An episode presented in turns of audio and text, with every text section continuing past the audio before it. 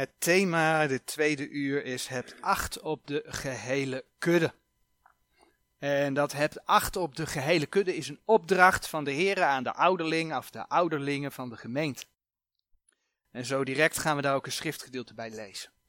Een andere benaming voor ouderling is ook wel herder en leraar of voorganger. En de ouderling, de voorganger, die heeft als taak om de kudde te wijden. Zoals Gods woord zegt in 1 Petrus 5 vers 2, wijd de kudde Gods die onder u is. En onlangs zagen we hoe het voor een leraar van belang is om bij Gods woorden te blijven. Om Gods bewaarde woord zelf ook te bewaren, hè? want we krijgen op diverse plekken in de Bijbel de oproep om Gods woorden te bewaren. Als je beeft voor die woorden, Jesaja 66 vers 2, dan laat je het ook wel uit je hoofd om die woorden te gaan veranderen. Dan blijf je bij die woorden. Maar je kunt je ook de vraag stellen, naar welke leraar luister ik? Bewaart hij Gods woord? En dit alles wordt uh, bevestigd door de oproep om als gemeente te blijven volhardende in de leer der apostelen. Daar hebben we toen we bij het onderwerp gemeente stil stonden, Handelingen 2, vers 42 bij stilgestaan. Het is de taak van de voorganger om te volharden in het gebed en in de bediening des woords, zegt Handelingen 6, vers 4. Maar wij zullen volharden in het gebed en in de bediening des woords. En het doel daarvan is om de kudde te voeden, om de kudde te weiden. Maar het weiden is niet de enige taak. Als we kijken naar het volk Israël, dan bestond dat van oudsher, bestond dat onder andere uit herders. Ik denk aan de geschiedenis van Jozef en zijn broers. Zij weiden de kudde, zegt Genesis 37, vers 2. Nou, ik denk dat we allemaal koning David kenden, die begon als herder.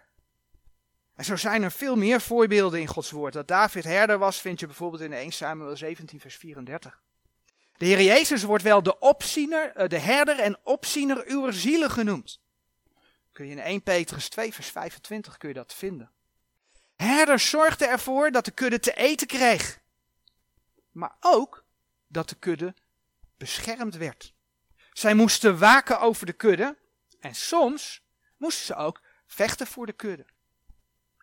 Er waren geregeld wilde dieren waar de herder de kudde tegen moest beschermen. We kennen de geschiedenis van David en Goliath. En dat David tegen Goliath wilde strijden. Het hele leger van Israël, dat stond eh, te bibberen met de knieën. Te wachten, want er kwam die grote man Goliath aan en David zei, ik wil wel strijden. En dan komt hij bij Saul en dan zegt Saul, maar jij bent een jongeling, je bent niet geoefend, terwijl Goliath is een geoefende strijder. En dan gaan we kijken wat David tegen, tegen Saul zei. In 1 Samuel uh, eh, 17, vers 34.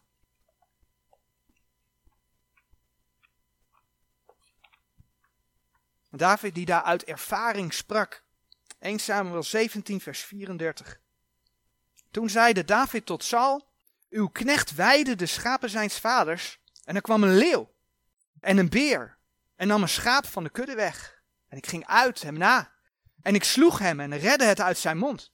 Toen hij tegen mij opstond, zo vatte ik hem bij zijn baard, en sloeg hem en doodde hem. Uw knecht heeft zo de leeuw als de beer geslagen. Alzo zal deze onbesneden Filistijn zijn gelijk een van die, omdat hij de slagorde van de levende God gehoond heeft. Nou, het mag duidelijk zijn, een herder waakte over de kudde. En desnoods moest hij de wilde dieren verjagen of verslaan.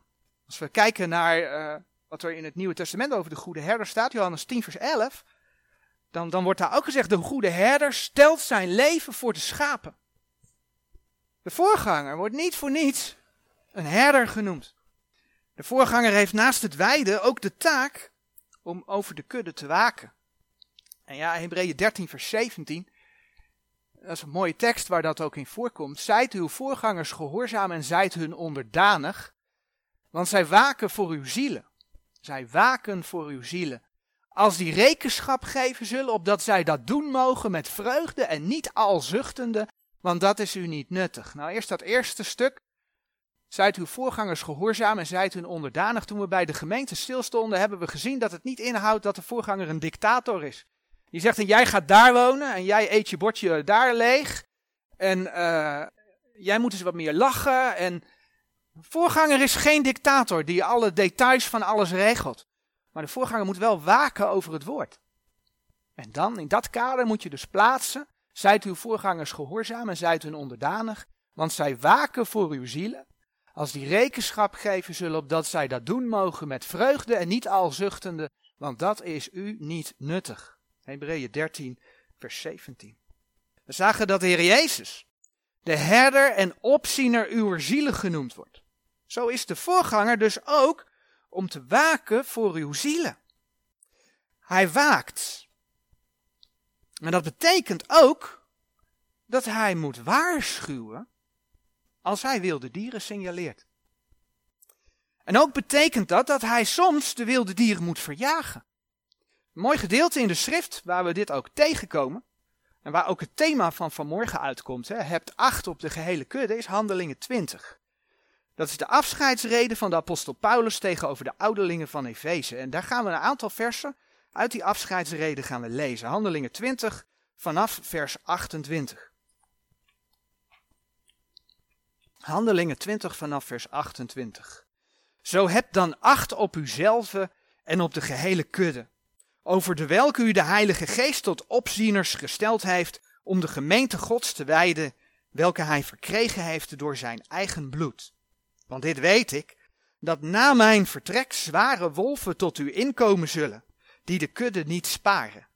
En uit uzelf zullen mannen opstaan, sprekende verkeerde dingen, om de discipelen af te trekken achter zich. Vers 31. Daarom waakt en gedenkt dat ik drie jaren lang nacht en dag niet opgehouden heb een iegelijk met tranen te vermanen. En nu, broeders, ik beveel u goden en het woord zijner genade, die machtig is u op te bouwen en u een erfdeel te geven onder al de geheiligden. Tot zover. En we lezen in, in vers 28 hebben we gelezen over de gemeente die de Heere God verkregen heeft door zijn bloed. Vers 28 nog een keer. Zo heb dan acht op uzelf en op de gehele kudde, over de welke u de Heilige Geest tot opzieners gesteld heeft, om de gemeente Gods te wijden, welke hij verkregen heeft door zijn eigen bloed. En ik ga het nu niet hebben over de nieuwe vertalingen die hier wat anders van maken. Het bloed van zijn eigene, het bloed van zijn zoon. Hier staat dat God zijn bloed gegeven heeft. God is in zijn zoon naar deze aarde gekomen, heeft zijn leven gegeven. Daar is goddelijk bloed gestort. Ga ik het er toch weer over hebben. Door mens te worden heeft de Heere God zijn bloed vergoten. Om daarmee de losprijs te betalen. Waardoor de gemeente met hoofdletter ontstaan is, maar waardoor er ook lokale gemeenten ontstaan zijn.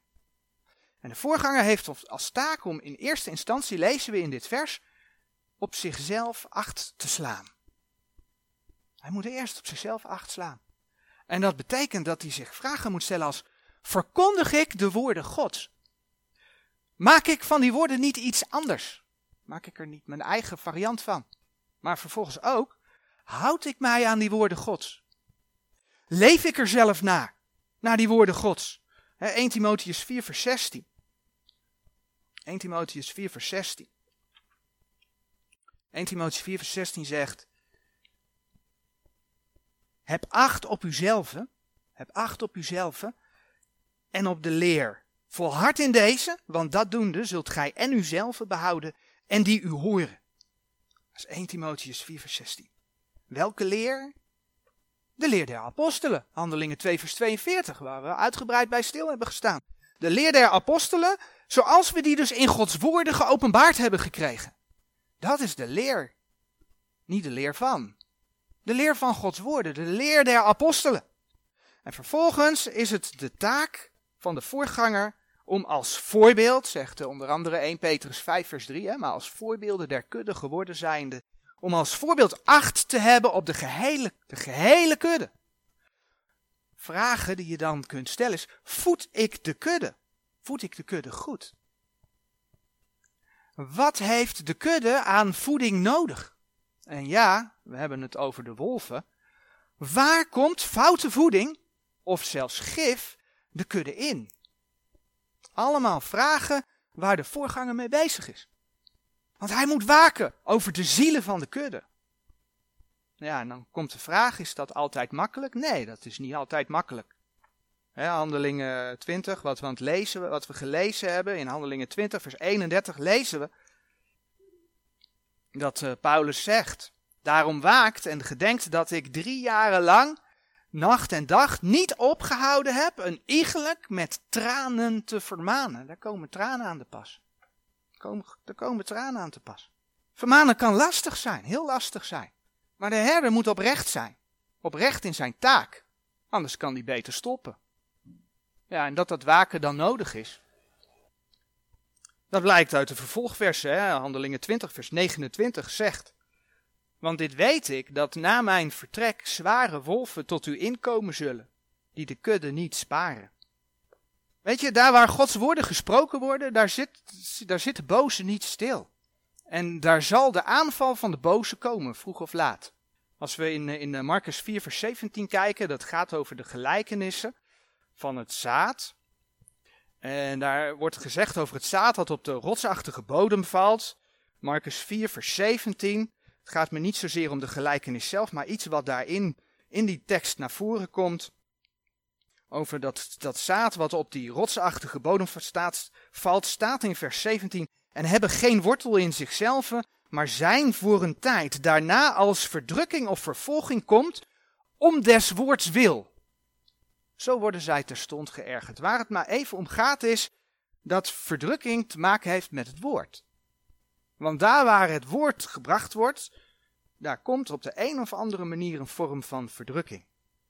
Nou, Paulus geeft dus aan die, die, die ouderlingen, die ouderlingen van Efeze, geeft hij aan dat ze moeten waken. Omdat er na zijn vertrek zware wolven komen, die zich in de gemeente zullen werken. Nou, daar hebben we dan de wilde dieren. En die wilde dieren, zegt die verse, zullen de kudde niet sparen. Nou, zeg je, die wolven zullen we wel herkennen dan. Want uh, wolven, die zien er heel anders uit dan schapen. Normaal gesproken wel. Maar het punt is dat de Bijbel duidelijk maakt dat die wolven niet komen als wolf. Die wolven komen niet met de tanden bloot en, en, en, en het schuim op de bek. Die wolven die verkleden zich als schapen in uh, Matthäus 7, eh, vers 15. Matthäus 7, vers 15. Daar lezen we, weliswaar tegen de valse profeten, maar je ziet hier wel dat wolven zich verkleden als schapen. Maar wacht u van de valse profeten, de welke in schaapsklederen tot u komen, maar van binnen zijn zij grijpende wolven. Dat is waar de Heer voor waarschuwt in zijn woord. Maar dan komt hij, Terug bij Handelingen 20. Die zware of grijpende wolven, het zou heel mooi zijn als dat alleen van buitenaf kwam. Dan hoeft hij alleen van buitenaf te beschermen.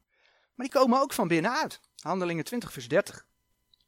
En uit uzelf zullen mannen opstaan, sprekende verkeerde dingen, om de discipelen af te trekken achter zich. Blijkbaar zijn er mensen die anderen graag van de voorganger aftrekken. En weet je, dat hoeft ook niet altijd zo geweest te zijn. De tekst spreekt over uit uzelf, uit uzelf zullen mannen opstaan. Mensen kunnen veranderen. Ja, en dat ze schaapskleren aantrekken betekent dat ze niet opvallen. Ze beginnen met kleine beetjes dwaalleer te verspreiden. Dat is een van de manieren. Hè? 2 Timotheus 2 vers 17 spreekt daar ook over. Het, het eet voort als de kanker. Dus het begint ergens heel klein, maar dat, dat, dat verspreidt zich langzaam verder. 2 Timotheus 2 vers 17. Of uit onvrede over de verkondiging begint men verkeerde dingen te spreken over bijvoorbeeld de voorganger. En dan denkt men dat zelf beter te kunnen. En probeert men de schapen achter zichzelf, achter de wolf aan te krijgen. En dat is wat heel veel in gemeentes gebeurt. Nou, een voorbeeld komen we in 3 Johannes tegen. Ja, 3 Johannes 1 en dan vers 9 tot en met 11. 3 Johannes 1, vers 9 tot en met 11. Het gaat over Diotrefus. Ik heb aan de gemeente geschreven, maar Diotrefus, die onder hen zoekt de eerste te zijn, neemt ons niet aan. Daarom indien ik kom, zo zal ik in gedachtenis brengen zijn werken die hij doet met boze woorden snaterende tegen ons.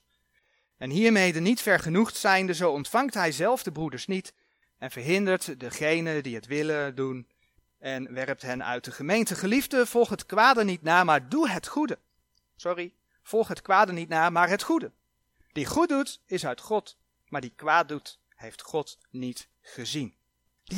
Diotrefus was iemand die klaarblijkelijk graag zichzelf naar voren schoof. En dan staat hier, dat zijn niet mijn woorden, maar de Heere God geeft die woorden aan, door boze woorden te snateren. Door boze woorden te snateren over andere broeders, verhinderde hij dat, ze, dat die broeders in de gemeente ontvangen werden. En als mensen dat wel deden, dan zei hij van weg ermee. Dat is een voorbeeld. Maar hoe gaat dat dan in zijn werk? Hoe gaat dat dan in zijn werk? dat spreken van verkeerde dingen, of zoals 3 Johannes zegt, dat snateren van boze woorden. En ik denk dat het heel goed is als dat doorzien wordt, hoe dat in, hoe dat in de praktijk gaat, dat, dat, dat, dat snateren van boze woorden. Maar allereerst wil ik stilstaan bij de vraag waarom die tegenstand? Waarom die tegenstand? Een bijbelgelovige gemeente staat voor de woorden van de Heere God. Dat is de basis. Een bijbelgelovige gemeente staat op zijn belofte. Daarom heb ik die tekst hier ook nog weer een keer op de dia gezet. Staat op de belofte dat Heere God zelf heeft gezegd dat hij zijn woorden zal bewaren. de redenen des Heren zijn reine redenen, zilver gelouterd in een aardesmeltgroes, gezuiverd zevenmaal. Gij, Heere, zult hen bewaren, gij zult hen behoeden voor dit geslacht tot in eeuwigheid. Ja, en voor Nederland heeft de Heere God zijn woorden bewaard in de Statenbijbel. Nou, dan moet je je voorstellen, dat is te midden van een tijd van afval van geloof. Mensen hebben eigenlijk dat woord aan de kant geschoven. Dus te midden van een tijd van afval van geloof zijn er enkele gemeentes die zeggen wij willen bij Gods woorden blijven. Omdat God een belofte heeft gedaan dat hij zijn woorden zou bewaren. En dan is er maar één op uit om die boodschap zorgen dat dat stil komt te liggen. Dat dat, dat dat tot zwijgen gebracht wordt. Nou, dat zie je door de hele geschiedenis heen, dus ik ga een paar voorbeelden noemen. In het paradijs stelde de duivel al vraagtekens bij wat de Heere God zei. Dat begon in Genesis 3 vers 1, dat is het allereerste begin. Vraagtekens bij Gods woord. De tekst hebben we meerdere keren gezien, ik ga hem niet opzoeken. Ik denk dat we hem kennen. Wat gebeurde er toen de Heer Jezus, de vredevorst, geboren werd? Toen probeerde die vijand door koning Herodes alle jongetjes tot twee jaar te laten doden. Waarom?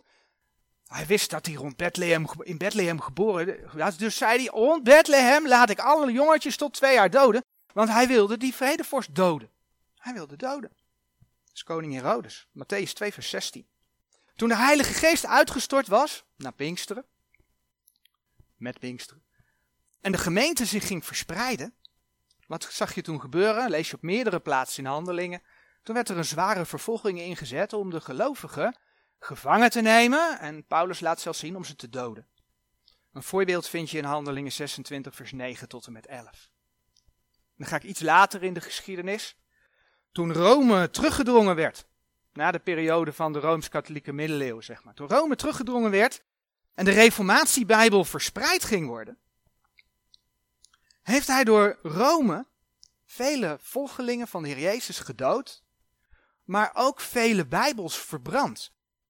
En we lezen in, in Openbaring 17, vers 6, dat gaat over verborgenheid, het grote Babylon, de moeder der hoererij dat zij dronken is van het bloed der heiligen. En ja, dat gaat daar over de toekomst, hè? Over, over, over dat systeem wat gaat komen, waar we nou op weg zijn. Maar dat verwijst terug naar de Rooms-Katholieke Kerk in de middeleeuwen. Mensen werden gedood. Velen, dat waren er niet een paar. Echt velen werden gedood. Bijbels werden verbrand. Stapels, bergen Bijbels werden verbrand. Omdat die Reformatiebijbel de wereld overging. Ja, mensen, we leven in de laatste dagen van de gemeente. We leven in de laatste dagen van de gemeente. En, en die laatste dagen van de gemeente worden gekenmerkt door afval van het geloof. En het mooiste is dat je dan in de kringen die ze in Nederland bijbelgetrouw noemt, daar willen ze de afval van het geloof uit 2 Thessalonians 2 vers 3 wegvertalen. Want het zou niet afval van het geloof zijn. Waarom zouden ze dat niet willen? Dat ze Gods woord aanpassen. Daar worden ze op hun eigen zonde aangesproken. Hoezo afval van het geloof? Nee, het staat er helemaal niet. Nou, het staat er wel. God heeft zijn woorden bewaard. En die laatste gemeente wordt ook wel met Laodicea gemeente. Hè? Die, die gemeente, openbaring 3 vers 20, waar de Heer Jezus buiten staat en op de deur moet kloppen. Of dat moet hij niet, maar dat doet hij.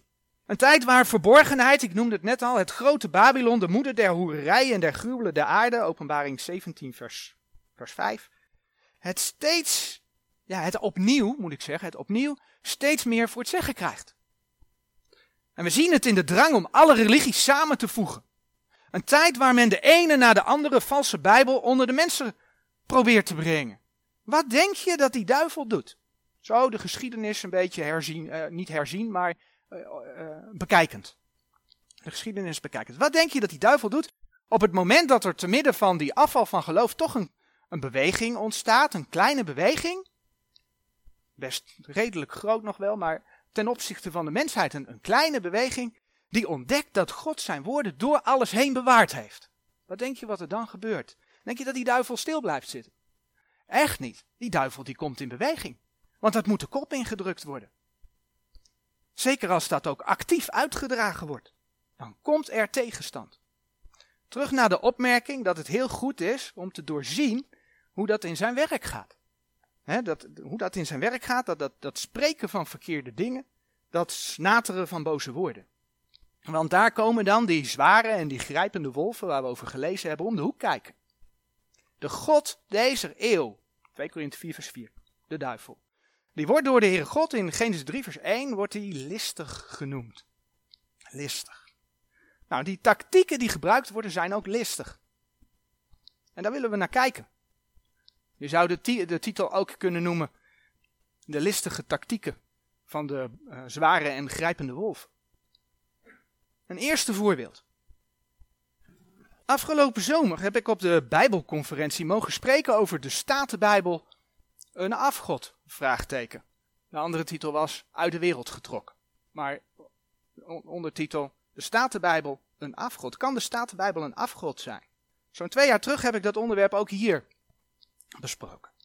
We zagen dat Bijbelgelovigen de beschuldiging krijgen dat de Statenbijbel een afgod voor ze is geworden. En welke beschuldiging houdt christenen, hè, die zich dan nog enigszins aan de woorden van de Heer God willen vasthouden, niet weten van de vertalingen kwestie, dus hè, redelijk bijbelgetrouw zijn, zeg maar. Wat voor, wat voor beschuldiging laat ze nou meer afschrikken om, om naar bijbelgelovige prediking te luisteren dan, ja, maar ze vereren daar een afgod. Dan laten we wel zijn, de Bijbel eh, staat vol van dat je de afgoden niet moet dienen. In, in 1 Johannes 5, vers 21 staat dat bijvoorbeeld, maar er zijn natuurlijk veel meer versen. Dat, dat, dat, de Heer wil niet dat we afgoden dienen. Dus, oh ja, jongens, nee. Maar wees eerlijk, hè? Door de Bijbel, wie leren we door de Bijbel kennen? Johannes 20, vers 30 en 31 zeggen dat ook. De Heer Jezus leren we door de schrift kennen. Maar ik kan je wel vertellen dat je door een nieuwe, een valse Bijbel, dat je de Heer niet leert kennen. En dan pas op, want ik maak hier een komma. De zin is nog niet af. En dat is een hele belangrijke. Als je iemand citeert, moet je niet alleen tot aan de komma citeren, maar moet je ook naar de komma kijken.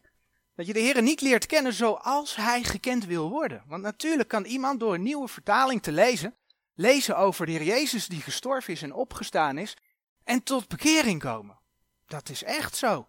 Maar op het moment dat je in de HSV leest dat Jezus Christus een slaaf geworden is, dan lees je iets wat niet over de Heer Jezus gaat. Maar het staat er wel. Dat is vals. Dat is valse verkondiging. In een nieuwe Bijbel. Een van de voorbeelden die ik afgelopen jaar heb uitgewerkt opnieuw heb uitgewerkt. Dat had ik in het verleden ook al een keer gedaan. Dus door die nieuwe vertalingen leer je de Heer niet kennen zoals Hij gekend wil zijn. Want het is, ja, de een wat meer dan de ander, maar het is verdraaid. Dus het is van belang om bij Gods woorden te blijven. En wat is nou het mooie als je, laten we dat vers opzoeken, 1 Johannes 2 vers 5. Als je 1 Johannes 2 vers 5 leest, dan zie je dat de Heer daar zegt, dat degene die zijn woord willen bewaren, dat daar de liefde Gods in volmaakt is geworden. En ja, eh, het zijn echt niet mijn woorden, het staat geschreven. 1 Johannes 2 vers 5. Maar zo wie zijn woord bewaart, indien is waarlijk de liefde Gods volmaakt geworden. Hieraan kennen wij dat wij in hem zijn. En in, in, in deze boodschap hebben we juist gezien, hè, men wil dus beweren dat als je zegt dat God zijn woord bewaard heeft, als je dat ook kunt aantonen, van nou dat is in de Statenbijbel, dat je dan een afgod hebt. Maar we hebben in die studie gezien, onder andere aan 1 Samuel 15 vers 23, eh, dat juist het tegenovergestelde waar is. Want de Heere God zegt namelijk dat het verwerpen van zijn woorden, dat dat afgoderij is. Dus je ziet de boel worden omgedraaid. Hij, hij laat mensen iets zeggen, de boze laat mensen iets zeggen wat heel bijbels lijkt, behoed je van de afgoden. Dat is heel bijbels. Behoed je van de afgoden. Maar ondertussen betrekt hij dat hele bijbelse op Gods woord. Voor Nederland de Statenbijbel, waardoor mensen schrikken. Oh nee, ja, nee, weet je, dat, dat, nee, nee, nee. Bijbelgelovige prediking, nee, maar ik, wil niks met afgoden te maken hebben. Laat alsjeblieft links liggen. En ze gaan door op de weg waar ze waren. Dat is de tactiek. Een tactiek. Een listige tactiek. Ik heb niet alle teksten meer opgezocht. Die boodschap is na te luisteren. Zowel op YouTube als, uh, als de audio. Hij staat tussen de preken. Dus je kunt hem, als je wilt, naluisteren. Even voor de audioopname bij de preken op www.bijbelengeloof.com. Een andere listige tactiek heeft met het woordje leer te maken. Toen we stilstonden, dat was ook alweer een tijdje terug, bij de vraag of de opname van de gemeente een mythe is, of niet, vanwege een boek dat daarover verschenen was. Toen is ook stilgestaan bij wat men de bedelingenleer noemt. Want er wordt altijd over gesproken, dat is de bedelingenleer. Maar laten we het opzoeken, 2 Timotheus 2 vers 15, geen onbekende tekst. Hier in ieder geval niet. 2 Timotheus 2 vers 15 staat in Gods woord. En de Bijbel geeft dus een opdracht om het woord van God recht te snijden. Laten we dat vers nog een keer lezen. 2 Timotheus 2 vers 15. Benaarstig u om uzelf goden beproefd voor te stellen, een arbeider die niet beschaamd wordt, die het woord der waarheid recht snijdt. Ik lees hier een opdracht om het woord der waarheid recht te snijden. Omdat het in Gods woord staat, is dat dus een opdracht van God om het woord recht te snijden. Is dat dan een leer? Nou, je zou kunnen zeggen dat is, dat komt bij de leer der apostelen vandaan, maar dat is geopenbaard in Gods woord. Maar is dat een leer zodat we kunnen zeggen, dat is de bedelingenleer? En weet je waarom dat de bedelingenleer genoemd wordt? Dan kunnen mensen heel makkelijk zeggen, ach, weet je, dat is maar een leer. En ik leg het naast me neer. Daarom wordt het een leer genoemd. Heel makkelijk om het dan naast je neer te leggen. Ja, en, en, en, en, en men vergeet dan dat Gods woord zegt, weet Timotheus 2 vers 15, wat het zegt. Dat het gewoon een opdracht is. Dat we het woord recht moeten snijden. En ja, dan worden er zelfs, daar hebben we toen bij stilgestaan, dan worden er zelfs allerlei late oorsprongen toegedicht aan die, wat zij dan bedelingenleer noemen. En in veel nieuwe vertalingen wordt 2 Timotheus 2 vers 15 een beetje aangepast. En wat krijg je dan? Allemaal, zodat men het kan afdoen als onbijbels. Laten we links liggen. Want ja, de kerken geloven niet in de gemeentetijd. En de kerken geloven niet in de opname van de gemeente. En de meeste kerken, hè? ik zal even voorzichtig zijn. En de meeste kerken geloven niet dat er een duizendjarig vrederijk komt. Dus, bedelingenleer, prima, leggen we naast ons neer. Kunnen we sluiten, dat, uh, dat adres. Alles wordt uit de kast getrokken om Gods woord tegen te spreken. Dat is de tactiek. Listige tactiek. We noemen het een leer. Weg ermee. En dan komen we bij de tactiek die hiermee verbonden is. Want ik heb nu eigenlijk twee dingen genoemd en ik wou zeggen komen we bij de tweede tactiek. Maar dan komen we bij hetgeen wat hieraan verbonden is. Ik heb dit als voorbeeld gebruikt. Stel dat er een bijbelgelovige leraar is, die heel veel kennis heeft van de Bijbel en de Bijbelse manuscripten. En ja, hij weet er ook heel veel mensen mee te bereiken met bijbelse waarheden, die door de bekende tradities onder de mantel zijn gehouden, want ja, ze verdraaien Gods woord als het niet binnen de leer past. En stel dat hij niet alleen veel mensen weet te bereiken, maar ook aantoont dat de schriftkritiek de basis is van alle afval van het geloof die we vandaag de dag om ons heen zien. En de afgoderij onder de christenen in deze tijd. Weet je, als die waarheid doordringt onder de christenen, dan kunnen alle andere christelijke instituten die op de schriftkritiek gebaseerd zijn, zijn de meeste, echt, dat zijn de meeste, die kunnen dan hun deuren sluiten. Voel je me aankomen? Die kunnen dan hun deuren sluiten. En je snapt dat als er dus zo'n leraar is, dat het de boze en die instituten, die een, een, een eh, sorry dat ik het zeg, maar die een, een, een, een instrument in de handen van de boze zijn geworden, want ze verkondigen het woord niet meer. Ze verkondigen hun, hun getuigenissen die ze opgesteld hebben, hun beleidenissen. En dat onderbouwen ze en als het niet uitkomt, veranderen ze de tekst. Dat is wat er gebeurt. Snap je dat er de boze en die instituten er alles aan gelegen is om die leraar het zwijgen op te leggen. En ja, er was zo'n Bijbelleraar. En weet je, nee, hij is niet vermoord, maar ze hebben hem wel zwart gemaakt. Op diverse theologische instituten vanuit verschillende richtingen heeft men boeken en artikelen over hem geschreven en het internet staat er vol mee. Nou, wat wil het geval? Omdat mensen die bijbelse waarheden niet kennen, kan men die punten gewoon noemen. Hij leert, en dat is belachelijk. Hij leert, en dan zonder schrift met schrift te vergelijken, hij leert, dat is niet bijbels. Ja, weet je, mensen kennen hun belijdenissen, mensen kennen wat ze altijd gehoord hebben, dus dat lijkt soms belachelijk. En dus dan noemen ze dat, en daar wordt hij mee onderuit gehaald. En dat gaat een stapje verder, want dan worden er op een gegeven moment ook dingen uit zijn leven geplukt. En die worden ook online gezet. En de spreekstijl wordt bekeken. En die wordt ook online gezet. En ik ga hem niet verdedigen. Dat heeft hij, punt 1, niet nodig. En uh, daar is de preek niet voor bedoeld. Maar ik wil één ding zeggen. Stel, hij zat met die zonde die dan uit zijn leven geplukt wordt.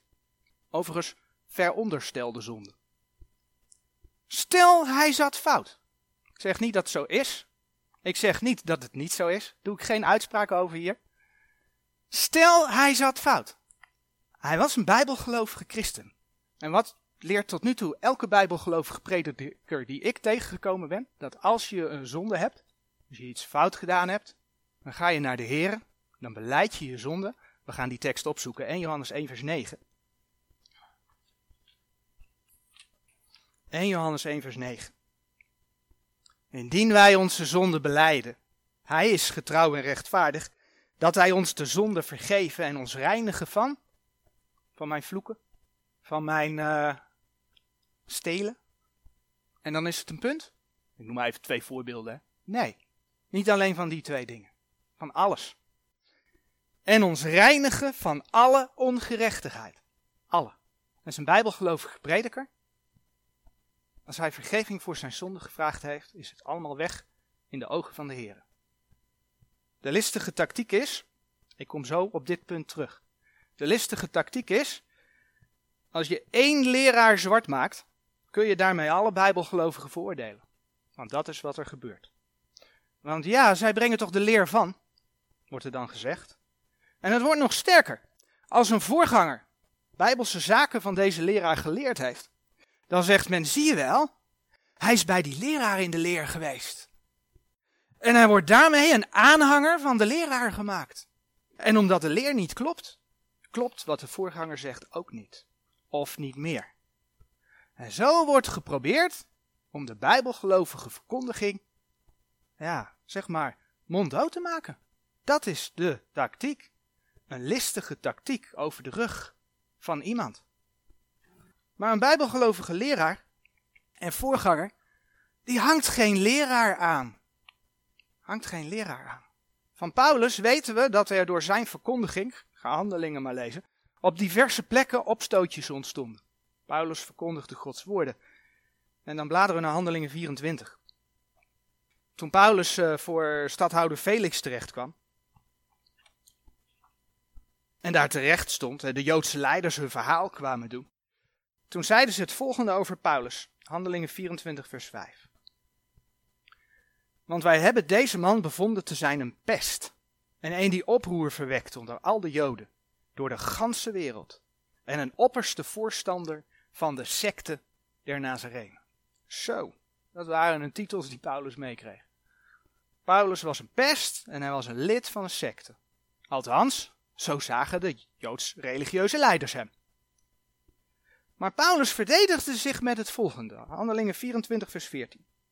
Maar dit beken ik u, dat ik naar dien weg welke zij secte noemen, de God der vaderen al zo dien, gelovende alles wat in de wet en in de profeten geschreven is. Al noemt de hele religieuze, christelijke wereld, ik spreek maar even namens ons, een secte. Dat is waar een bijbelgelovige, waar bijbelgelovigen voor staan. Gelovende alles wat in Gods woord geschreven staat. En weet je, daar gaat het om. 2 Korinthe 2 vers 17 uh, zegt zo mooi. Want wij dragen niet gelijk velen het woord Gods te koop. Dat betekent, wij, doen niet met de wij gaan niet met de meute mee, hè, velen, om Gods woord te vervalsen. Maar als uit oprechtheid, maar als uit God, in de tegenwoordigheid Gods, God ziet alles, hadden we het vanmorgen over. In de tegenwoordigheid Gods spreken wij het in Christus. 2 Korinthe 2 vers 17. Ja, en de Bijbel waarschuwt ons. We mogen wel degelijk, dat is een hele gevaarlijke dat ik die aanhaal, want die wordt dan vaak tegen je gebruikt. Maar ik ga hem toch noemen, want de schrift zegt het. We mogen wel degelijk leraars volgen. Het is niet voor niets dat Paulus in 1 Korinthe 11 vers 1 het volgende uh, mag zeggen van de Heer. 1 Korinthe 11 vers 1. Weest mijn navolgers is een mens die dat mag zeggen. Wees mijn navolgers, gelijkerwijs ook ik van Christus. Maar er staat dus wel iets bij, maar dan wel in Christus. Alle voorgangers, alle leraars maken fouten. Romeinen 7 hebben we diverse keren bij stilgestaan. Dan kun je het gewoon lezen.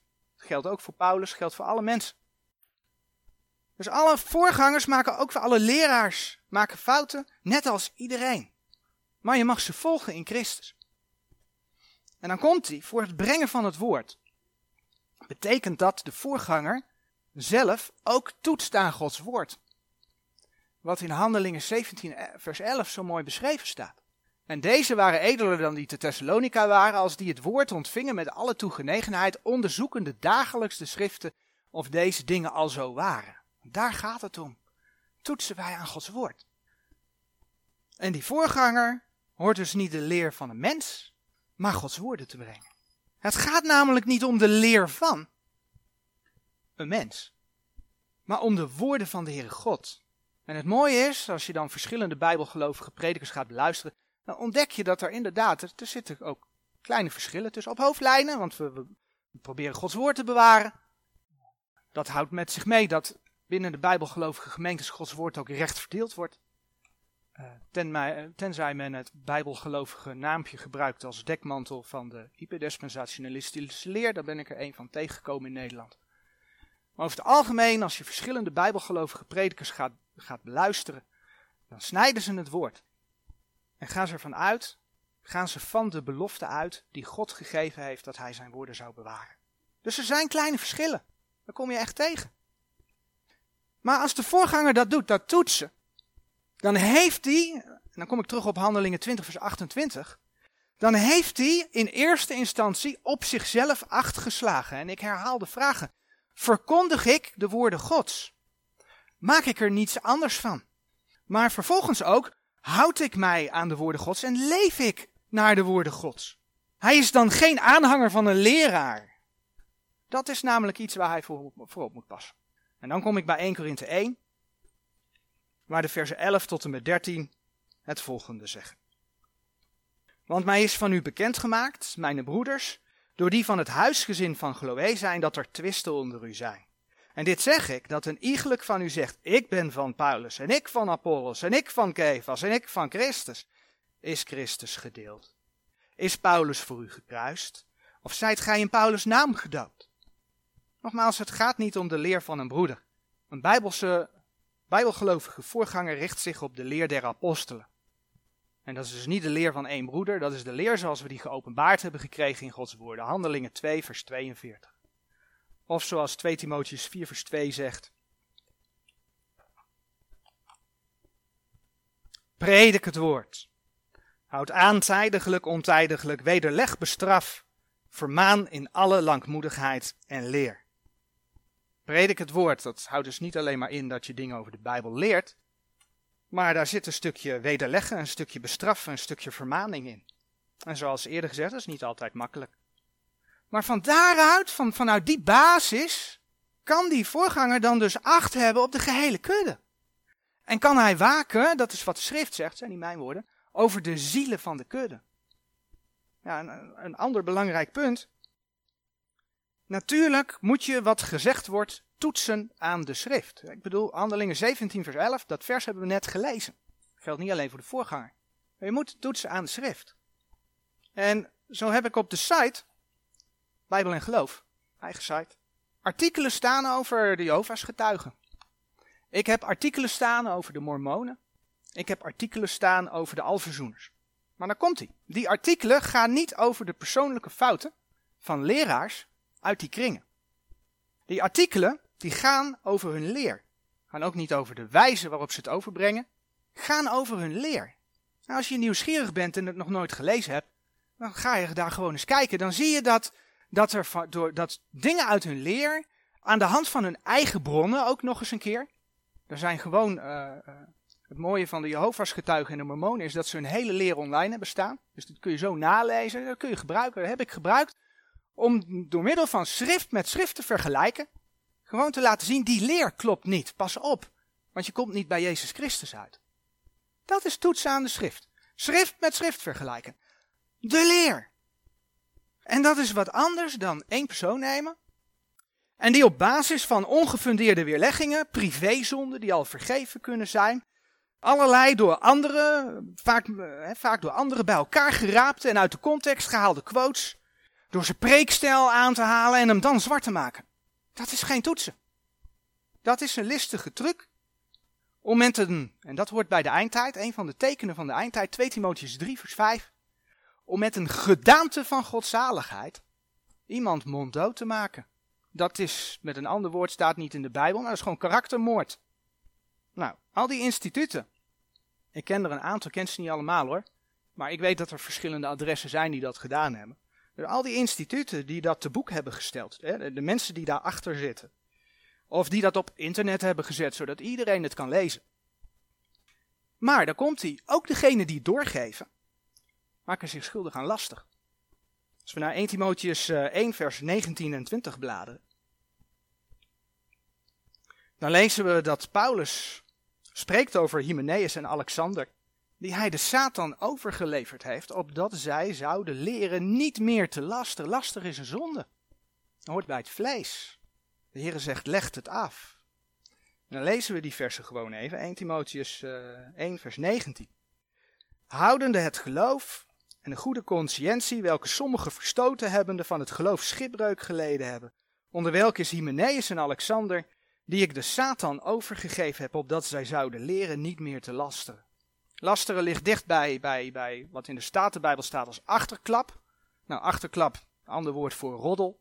dat is met iemand kwaad spreken over, over, over iemand anders. Maar dan heb je ook een woord, dat is oorblazingen. Nou, oorblazingen, dat is lastig. En, en, en wat is laster? Dat is eigenlijk het verspreiden van de kwaadsprekerij. Het verspreiden van de kwaadsprekerij en dat, ja, dat doe je dus door niet één op één, maar met diverse mensen die, die kwaadsprekerij door te geven. Men fluistert ze, oorblazingen, men fluistert ze als het ware in. Zoals gezegd, ze behoren tot de werken van het vlees, 2 Korinthe 12 vers 20, Efeze 4 vers 31. Ja, en de Heer is echt heel duidelijk wat hij van laster vindt. Als we Spreuken 16 opzoeken.